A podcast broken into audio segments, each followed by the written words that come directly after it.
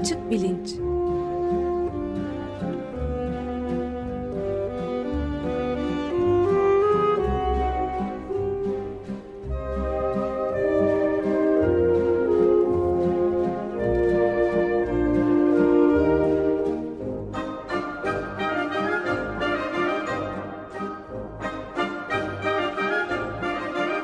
Güven Güzeldere ile bilim ve felsefe sohbetleri.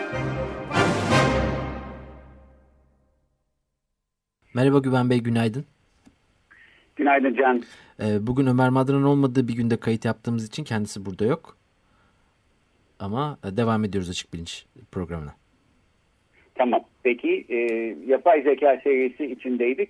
Geçen haftaki programda da aslında sen olamamıştın. E, Cem Say Hoca'nın konuk olduğu programda e, Go oyunu oynayan bilgisayarlar ve satranç şampiyonluğundan Go şampiyonluğuna giden e, 20 sene içinde yapay zekada neler değişti? Biraz bunlardan konuşmuştuk. Bu konudan e, devam ederek e, yapay zekanın geleceği üstüne biraz bir şeyler e, söylemek istiyorum. Tabii. E, yapay zekada bir tür rönesans yaşanıyor. Yani son 4-5 senedir e, bu Dünya Go şampiyonluğunun bir bilgisayar programı tarafından e, ele geçirilmesi de daha en aşağı 20-30 senesi var derken e, sürpriz bir şekilde ele geçirilmesi de aslında bunun göstergelerinden yalnızca bir tanesi. E, başka pek çok alanlarda da e, Go'nun yanında yapay zekanın daha önce yapacağını düşünemediğimiz şeyleri yaptığını görüyoruz. Yani e, mesela e, Oscar tahminlerinde bulunuyor. İşte bu Cambridge Analytica şirketinin yaptığı gibi daha önce bir programda anlatmıştık. E, seçimlere müdahale edecek bir takım hamleler yapıyor. Görsel, e, audiovizüel e, işlemlemelerle aslından ayrılması güç bir takım sahte e, haberler yaratmaya muktedir gibi gözüküyor ki e, fake news denilen bu alan e, üzerinde bir açık bilinç programı e, yapmak üzere işte notlarımı alıyorum. Bu, bu konuya daha ileride tekrar geleceğiz. E, peki bütün bunlar oluyor ama e, e, ne oluyor bilgisayar bilimlerinde de ya da yapay zekada da bunlar oluyor diye sormamız lazım. Çünkü aslında e, baktığımız zaman matematiksel olarak büyük yeni bir sonuç olduğunu görmüyoruz. Yani çığır açıcı bir matematiksel e, sonuç ortaya çıktı. Bunun ışığında yapılan yeni bir modellemeyle e, yapay zeka bu ilerlemeleri sağlıyor demek mümkün değil. Hatta pek çok yapay zeka modellemesinin matematiksel altyapısının aslında oldukça basit olduğunu da görüyoruz. E, ortada çok komplike bir matematiksel yapı da yok. Öte yandan e, muazzam sonuçlar almaya başladı yapay zeka. Bunu nasıl açıklayacağız? Yani bugün bu başarının e, nedeni nedir e, yapay zekada? Bir de buna bağlı olarak şu ikinci soru sorulabilir. Peki bu e, büyük başarılar e, niye daha önce gerçekleşmedi? Yani ortada yeni büyük matematiksel sonuçlar yoksa niye daha önce e, bu olanlar olmadı? Bunların cevabı aslında e, iki e, alanda yatıyor. Bir tanesi yapay zekanın şu anda e, kullanmakta olduğu hesaplama mimarisi e, ki buna e, bazı kuramcılar beyin tarzında hesaplama diyorlar. E, işte bazen nöron, yapay nöron şebekeleri diye geçiyor. Bazen e, paralel dağıtılmış işlemleme diye geçiyor. Pek çok değişik isimleri var. Fakat burada genel olarak e, klasik e, yapay zeka mimarisinden farklı bir hesaplama tarzı kullanılıyor. Şimdi e, birinci neden bu. E, buna e, bundan biraz daha bahsedeceğim fakat ikinci nedeni de önceden söyleyeyim. E, ikinci neden de bu hesaplama mimarisine çok uygun düşen e, büyük veri yığınlarının e, erişilebilir hale gelmiş olması. Evet. E, daha önce veri madenciliğinden ve büyük veriden bahsettiğimiz birkaç program yapmıştık. E, bu tür büyük veri yığınlarını e, toplamak aslında zor. Yani e, bir insan ya da bir şirket kendi başına e, oturup e, işte milyonlarca insan hakkında veri toplamaya kalksa bu e, belki yıllar alacak bir şey. Fakat internet ve web e, teknolojilerinin gelişmesi ve herkesin aslında kendi verilerini e, isteyerek e, paylaşmakta büyük bir gönüllülük göstermesi e, bir şekilde büyük verilerin e, toplanmasına bundan da ibaret değil. Yani işte kredi kartı kullanımından hemen her e, bilgimizin bilgisayarda erişilebilir hale gelmiş olmasına kadar pek çok gelişme bu büyük veri yığınlarını e, yapay zekanın kullandığı ve ona çok uygun olan bu yeni hesaplama mimarisiyle e, birleştirdiğinde işte ortaya böyle e, çok ilginç muazzam sonuçlar çıkıyor. Benim kanaatimce yapay zekada yaşanılan bu Rönesans'ın e, iki nedeni bunlar. E, bu hesaplama mimarisi dedim. Bundan ne kastediyorum? Geçen hafta biraz Cemsay Hoca da aslında buna değindi. e, IBM'in Deep Blue programı e, dünya satranç şampiyonu olan program başka tür e, bir hesaplama mimarisi üstüne çalışıyordu ve o programı geliştirmeye çalışsalardı mesela Go oynaması için bugün Dünya Go şampiyonluğunu e, kazanamamış olması ve daha e, pek çok seneye ihtiyacı olması çok muhtemel olacaktı. Evet. E, onun yerine büyük verileri kullanan ve e, basit öğrenme algoritmalarıyla başlayıp kendi kendini geliştiren e, yeni bir hesaplama tarzı e, söz konusu. Yeni diyorum aslında e, fikri yeni değil. Bu şekilde kullanılıyor olması yeni. E, fikrinin ne, nereden çıktığına bak, e, baktığımızda ta 1940'lara kadar gidiyoruz e, ee, MIT Üniversitesi'nde e, çalışmış olan iki isim var. Bir tanesi nörobilimci Warren McCullough isimli e, ilginç bir adam. Diğeri de bir elektrik mühendisi Walter Pitts. E, bunlar bir araya gelip 1943 senesinde bir makale e, yayınlıyorlar. A Logical Calculus of the Ideas Imminent in Nervous Activity e, şeyin adı makalenin başlığı. Bulletin of Mathematical Biophysics diye bir matematiksel biyofizik dergisinde yayınlamışlar. Türkçe'ye bunu genel olarak sinir sistemine içkin izlenimlerin mantıksal hesabı diye ben çevirdim. Böyle çevrildiği zaman da çok daha fazla bir şey anlaşılmıyor gerçi ama makalenin ana tezi şu diyorlar ki nöron beyindeki nöronlar e, işlemleme e, birimleri olan hücreler yani iki değerli yani açık kapalı devreler gibi çalıştıkları için e, nöron şebekeleri bir önermeler mantığı sistemiyle modellenebilir. Evet. E, ve buradan yola çıkarak bu beyin tarzı hesaplama denilen e, bir e, hesaplama tarzının aslında ilk adımlarını bu e, makalede atıyorlar. E, daha sonra e, bu makale ve bu tür çalışmalar büyük ölçüde unutuluyor. E, kısmen yapay zekanın başka bir yöne gitmesi nedeniyle e, hatta üstü örtülüyor. Orada ilginç bir e, bilim tarihi e, bölümü var aslında. Daha sonra 1980'lerin ortasında sonlarına doğru yeniden e, gündeme geliyor. Bu beyin tarzı hesaplama denen şey. Fakat ortada e, kullanım için e, erişilebilir olan büyük veri yığınları olmadığı için e, birkaç e, etkileyici sonucun dışında çok fazla bir e, sonuç alamıyor. Dolayısıyla yeniden rafa kalkıyor. Ta ki işte 2010'lu yıllara kadar. E, dolayısıyla yani son işte 1943'ten bugüne kadar geçen e, dönemde böyle 30'ar 40'lı 40'ar yıllı e,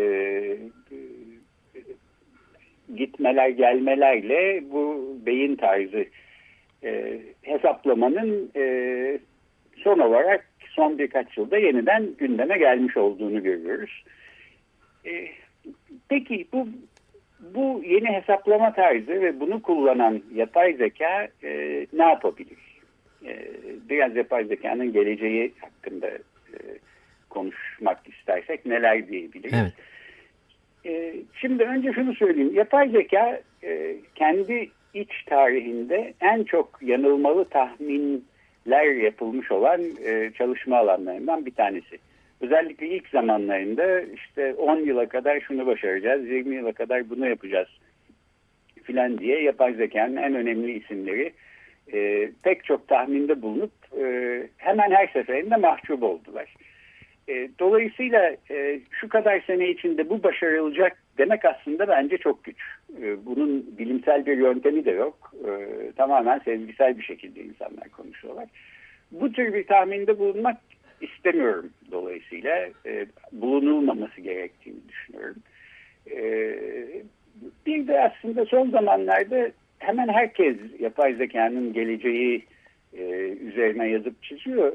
Bunların da çoğunlukla aslında altı boş e, görüşler olduğunu düşünüyorum. Yani işte yakın zamanda ya da ileride ne zaman olduğu belli olmayan bir gelecekte işte uçan taksiler olacak, şunlar olacak, bunlar olacak filan.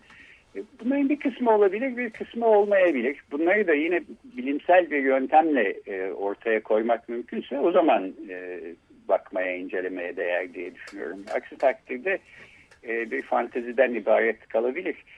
E, Türkiye'de de televizyonda galiba gösterilmişti. Amerika'da e, Jetsons diye bir dizi vardı 1960'larda e, bir çizgi film dizisi. Jetgiller diye sanki gösterildiğini hatırlıyorum. Ben yetiştim. E, e, ah, tamam işte mesela orada da hatırlarsan böyle insanların e, giydikleri bir takım e, motorlu sırt çantası gibi bir şeyler vardı. Bunlar evet. da havada uçuyorlardı. İşte bir robot bakıcı vardı evde falan. İrma. Böyle şeylerin hiçbirisi olmadı. Ama o zaman e, e, hiç tahmin edilemeyecek işte mesela minicik bilgisayarlar telefon görüntüsü altında cebimize ve hayatımıza girdiler. E, dolayısıyla yapay zeka ve gelecek konusunda neyin e, gerçek neyin fantezi olduğunu aslında ayırmak önemli. E, tamam bunları söyledikten sonra peki e, yine de yapay zekanın nereye doğru gittiği yönünde ne söyleyebiliriz? Bir, biraz buna bakalım. E, şunu bir kere söylemek mümkün. E, bu büyük veri yığınları içinde e, insan gözüyle görülemeyen ya da insan eliyle hesaplaması çok zor olan bir takım kalıpların, örüntülerin e, çok hızlı bir şekilde ortaya çıkartılmasını mümkün kılan e, bu yeni öğrenme algoritmaları, yapay zekanın kullandığı e, Go oyunu gibi insanların e, bir şekilde sezgiye dayanan e, uzmanlık alanlarını alt üst etmiş durumda ve e, etmeye de aday gözüküyor yapay zekaya karşı verilen e, argümanlardan bir tanesi, baş argümanlardan bir tanesi. İşte böyle bir takım belki kural e, izleyerek e, yapılacak işleri bilgisayarlar yapabilir ama insanların sezgiyle yaptığı şeyleri makinelerin yapmasına imkan yok filan argümanıydı. Oysa sezgi dediğimiz şeyin altında da yine bir sinir bilimsel altyapı var ve bu e, sinir bilimsel altyapıyı simüle etmeyi beceren e, bir bilgisayar hesaplama mimarisi ortaya çıkartabildiğin zaman e, bu sezgiyle yapılabilen şeyleri de yapmak mümkün hale geliyor. Nitekim geçen hafta da programda bahsettik. Bu e, Go Dünya Go şampiyonu olan KJ isimli Çinli genç adam e, AlphaGo programının e, inanılmaz e, hamleler yaptığını, e, Go oyununun tanrısı gibi oynadığını, e, işte kendi sezgileriyle yaptığı bütün hamleleri alt üst ettiğini filan söylemişti. E, burada belki en önemli olan temel nokta aslında öğrenmenin gücü. Yani bu algoritmalarda ana e, merkezin öğrenme olması, öğrenme kapasitesi olması ve bu öğrenmeyi e, kullanabileceğimiz veri e, yığınlarının e, erişilebilir hale gelmiş olması. E, geçen haftaki programda yine bahsettik işte Facebook'un bir takım programları kendi aralarında konuşmaya başlıyorlar, bir dil geliştiriyorlar ya da Microsoft'un TAI diye bir programı vardı, bir yapay zeka programı. E, bunların hepsi öğrenme e, merkezli algoritmalarla çalışan programlar. Bu programda mesela böyle bir ırkçı bir söylem geliştiriyor. Çünkü internet üstünde e, ona bir şeyler öğreten insanlar işte bir tür herhalde acayip şaka olsun diye öyle şeyler öğretmeye başlıyorlar. E, bunların hepsinde öğrenmenin gücüyle ilgili bir şey görüyoruz ve unutmamak gerekir ki bütün canlılar dünyasına baktığımız zaman e, belki en çaresiz ve bakıma muhtaç e, olarak e, doğan canlı yavrusu insan yavrusu. Öte yandan e, çok büyük bir silahı var. O da öğrenme kapasitesi. İşte bir iki sene içinde e, kendini ifade etmeye başlıyor bu öğrenme kapasitesi ve e, daha sonra bütün dünyaya hükmedecek e, hatta diğer canlıları silip süpürecek kötü şeyler yapacak e, bir şekilde bile e, tezahür edebiliyor. e, öte yandan e, yapay zekanın geleceğine baktığımızda peki şöyle şeyler görüyor muyuz? Mesela e, önümüzdeki işte e, kısa dönem gelecekte 10 yıl 20 yıl içinde e, bize bakacak doktorlar artık robotlar haline gelecek ya da mahkemelerde robot hakimler karar verecek. E, bana bu e, olabilecek bir şeymiş gibi gözükmüyor. E, niye böyle olduğunu da söyleyeyim. E, yapay zekanın e, nerede çok başarılı olduğunu bakarsak bunun hep e, başı sonu belirlenmiş bir takım mikro alanlarda böyle olduğunu görüyoruz. Yani mikro alandan kastım ne? İşte satranç, go böyle bir alan. Ee, bir takım kurallarla nerede başlayıp nerede biteceği ve sınırlarının nasıl çizilmiş olduğu belli bir alan. Ee, bu tür alanlarda e, uzmanlaşarak e, çok başarılı olabildiklerini görüyoruz bilgisayarların. Fakat e, otonom bir canlı olarak e, bir yapay zeka sistemi geliştirelim ya da otonom bir canlıyı simüle eden bir yapay zeka sistemi geliştirelim diyorsak e, o canlının anlam dünyasının hepsine hakim olması gereken bir sistem yapmamız gerekiyor. Bu da işte aslında çok zor bir şey. E, o zaman bu mikro alanların dışına e, çıkıyor. Hayatın kendisiyle yüz yüze geliyor e, olacağız çünkü. E, yapay zekanın erken dönemde başarılı olamamasının aslında önemli nedenlerinden bir tanesi buydu. E, yapay zekanın kış ya da kış uykusu diye geçen bir dönem var. Evet. 1980'ler ve 90'larda. E, benim tam doktora e, çalışmalarına başladığım yıldı 1989'da mesela yapay zekanın en önemli ilk isimlerinden Terry Winograd diye bir profesör e, Stanford Üniversitesi'nde yapay zeka projeleri artık fon e, bulamaz hale gelmişti. Kimsenin rağbet etmediği projelerdi. Savunma Bakanlığı'ndan ya da ordudan para almayı da ilke olarak e, kabul etmeyen bir insan olduğu için bu Terry Winograd e, birden e, hiçbir projesi fonlanamayan e, kendi başına bir adam olarak kaldı. Hatta tam benim orada olduğum dönem işte bir iki tane e, son derece kuramsal felsefe dersi filan e, verdi. O şekilde devam etmeye çalışıyordu. Fakat sonra bu insanların e, geliştirdiği yeni bir alan ortaya çıktı. E, Human Computer Interaction diye ya da CHAI, e, HCI diye geçen insan bilgisayar etkileşimi. E, burada e, e, otonom e, kendi başına e, otonom bir canlı gibi hareket edebilecek yapay zeka sistemleri geliştiremiyorsak e, otonom canlılara yardımcı olabilecek bir takım e, akıllı yardımcılar e, geliştirelim fikrinin aslında doğduğu yerdir. E, yani bir şekilde yapay zekadan akıllı yardımcılara doğru e, yöneldi çalışma, e, araştırma 1980'lerin sonu ve 1990'larda. Bu da aslında bugün bizi işte iPhone'larımızda kullandığımız Siri filan gibi akıllı yardımcı e, programlara e, getiren e, patikanın başı oldu. E, bu alanda çok büyük gelişmeler bekliyorum. Yani e, otonom bir canlıyı simüle edecek bir sistem mi e, kendi e, hayatımız içinde görebileceğimiz kanaatinde değilim. E, buna Ömer Bey de ben de sen de e, dahilsin benim tahminlerime göre.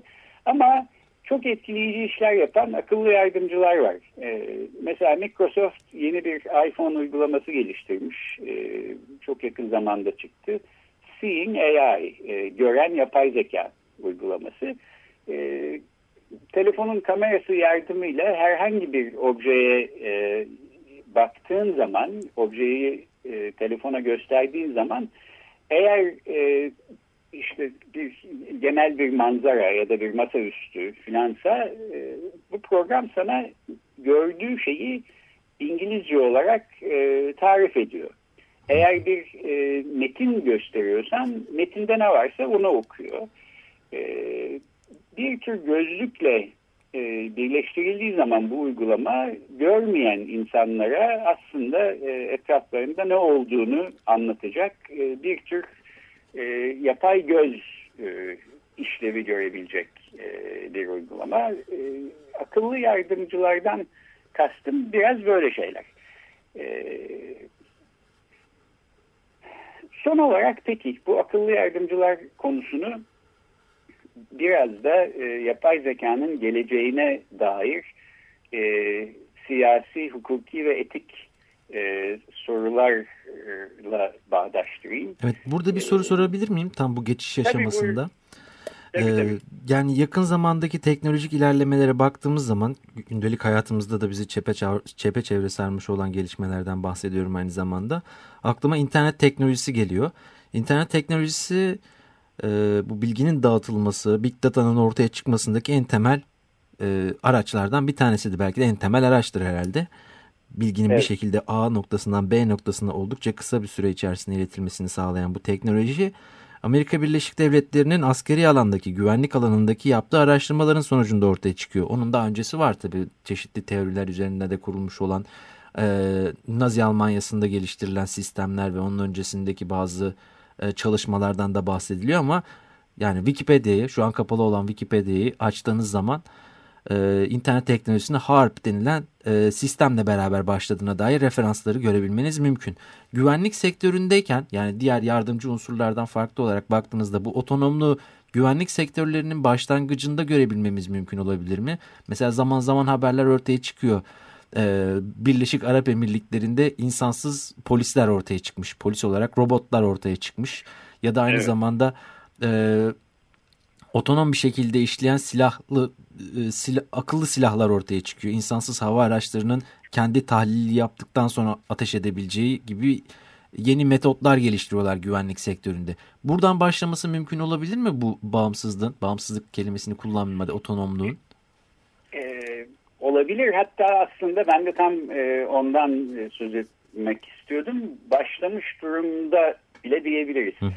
Ee, geçen sene e, Harvard Üniversitesi'nde Volkswagen şirketi bir konferans düzenledi. Yani işte sponsoru olduğu bir konferans oldu. Konferansın konusu uygulamalı etik.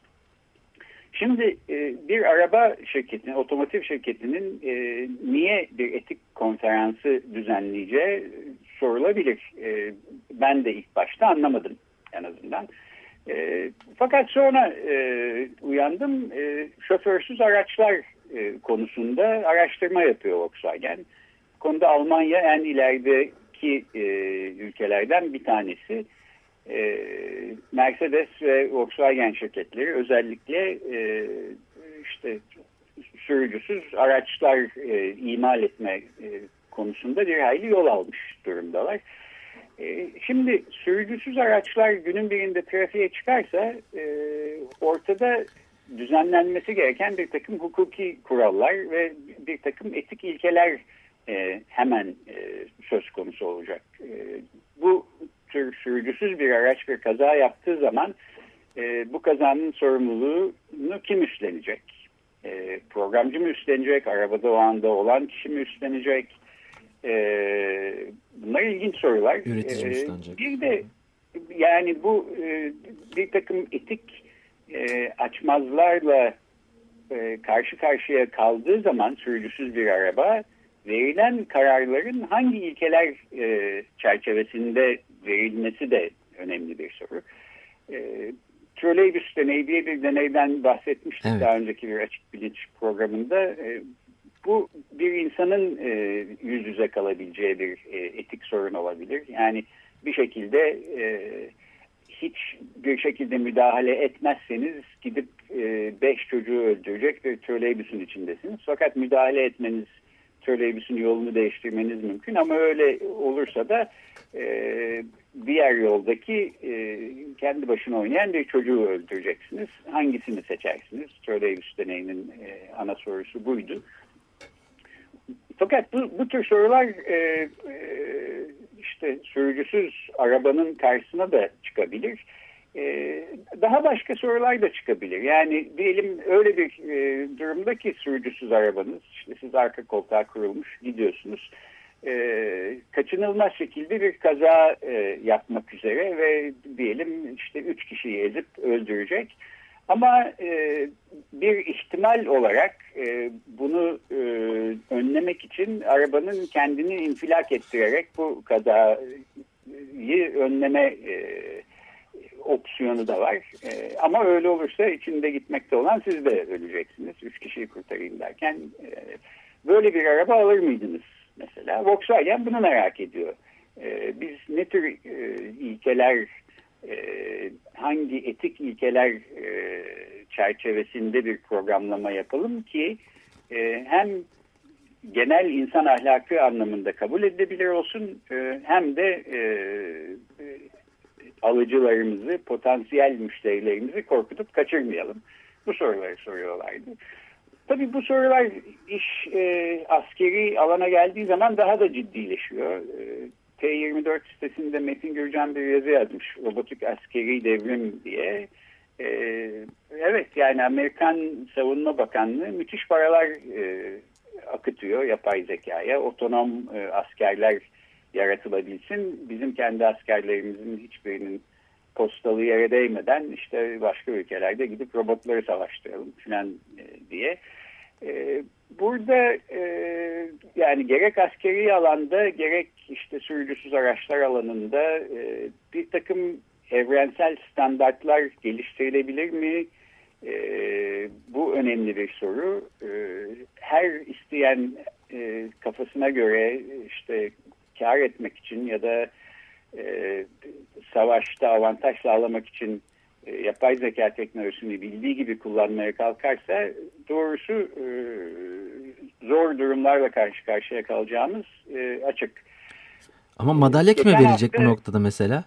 Böyle otonom silah sistemleri, böyle askerler, robot askerler gittiği zaman madalya kime verilecek? Bir madalya ya da liyakat sistemi gibi bir şey de ortadan kalkacak mı? Belki darbenin de bu Evet. şekilde önüne geçilebilir. Darbe girişimlerinin Bu vesaire. da, bu da iyi bir soru. Ee, geçen haftaki programda Cem Say Hoca bu yapay zekanın geleceğinden bahsederken korkunun ecele faydası yok demişti. Ee, ama aynı zamanda işte çocuklarımızı yetiştirir gibi yetiştirmeyi, geliştirmeyi düşünmeliyiz. Ee, yapay zekanın istediğimiz gibi gelişmesini istiyorsak da demişti. Doğru yani bir yandan korkunun e, ecele faydası yok fakat tabii ki zamanında bu konuları düşünmenin e, teknoloji önden gitsin işin felsefesi arkadan nasılsa gelir demenin e, dememenin e, faydası olacağı kesin ve e, bu tür şeyleri düşünmenin de aslında şu anda tam zamanı gibi gözüküyor bana. Evet. Bir diğer taraftan da şey tartışılıyor ama. İnovasyon örneği olarak tankın egzosuna sokulan e, tişörtlerin ne kadar e, büyük bir inovasyon kaynağı olduğundan bahsediliyor daha doğrusu. Evet onun da farkındayım. Yani şöyle bitireyim aslında Türkiye'deki durum nedir diye bakarsak Hı hı. e, doğru dürüst insan yetiştiremiyorken robotları biz nasıl doğru tasarlayıp geliştireceğiz? E, ben bu konuda pek ümitli değilim. E, OECD'nin 2017'de yaptırdığı bir e, çalışma var. E, burada dünyanın pek çok ülkesinde e, ülkesinden e, yarının bilim ve teknoloji insanlarının e, hangi e, oranda çıkacağının e, araştırması yapılmış. En tepede Almanya var. E, işte arkasından başka Avrupa ülkeleri geliyor. Kore var. E, bunlar e, OECD ortalamasının üstünde olan ülkeler. E, altında olan ülkelerde işte Macaristan'ı görüyoruz, e, Slovakya'yı görüyoruz. Yaklaşık 35 kadar ülkeye bakmış. Yani yarının bilimini ya da bizi bugünden yarına taşıyacak olan bilim ve teknolojiyi geliştirecek insanların e, hangi ülkelerden ne oranda çıkacağına bakıyor. Evet. Türkiye bu 35 kadar ülkenin neresinde yer alıyor dersin? Neresinde efendim? Tahminim şu anda pek müspet e, değil gibi. Bu da tam işte Cengiz Aktar sorusu gibi oldu. En sonuncu e, sırada yer alıyor Türkiye. E, yani Avrupa'da da dünyada da yarının bilim insanlarını çıkartma potansiyeli açısından sonuncu e, sırada gözüküyoruz. Çağın gerisinde kaldığımız çok açık e, bilim ve teknoloji alanında fakat bana öyle geliyor ki yalnız bilimde teknolojide değil siyasette, demokrasi kültüründe e, çağın çok gerisinde kaldığımız için bu diğer alanlarda da bu kadar geride kalmış durumdayız. E, asıl öncelikli sorunumuz bu. Evet. Yani bağımsız yargıyı sağlamak için işte robot hakimler, yargıçlar e, bizim derdimize çare olmayacak. Derdimize çare olması için önce bir demokrasi kültürünün bir şekilde geliştirilmesi lazım. Ee, benim e, teşhisim böyle. Evet ben Güven Bey son bir şey demek istiyorum. Onlar da yani böyle bir durumda söz konusu olsa hakimler bakmaya başlasa robot hakimler başla, bakmaya başlamış olsa da Türkiye'deki yargı, yargı sistemine yarın birileri çıkıp tekrardan aldatıldık kandırıldık yerine hacklendik şeklinde açıklamalar yapma, yapacaktır. Ben de bundan korkuyorum. E, son derece muhtemel Can.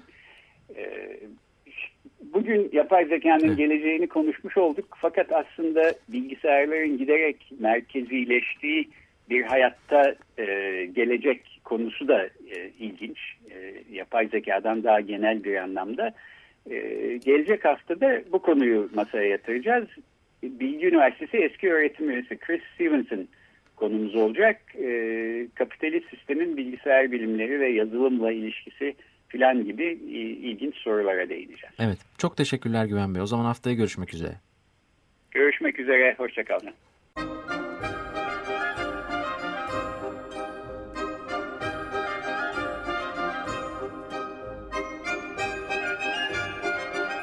Açık Bilinç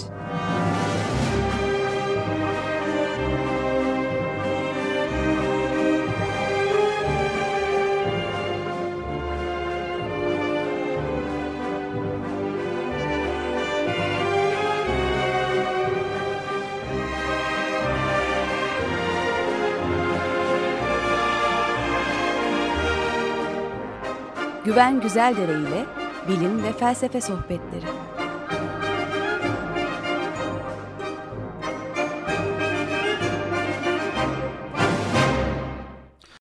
Açık Radyo program destekçisi olun. Bir veya daha fazla programa destek olmak için 212 alan koduyla 343 41 41.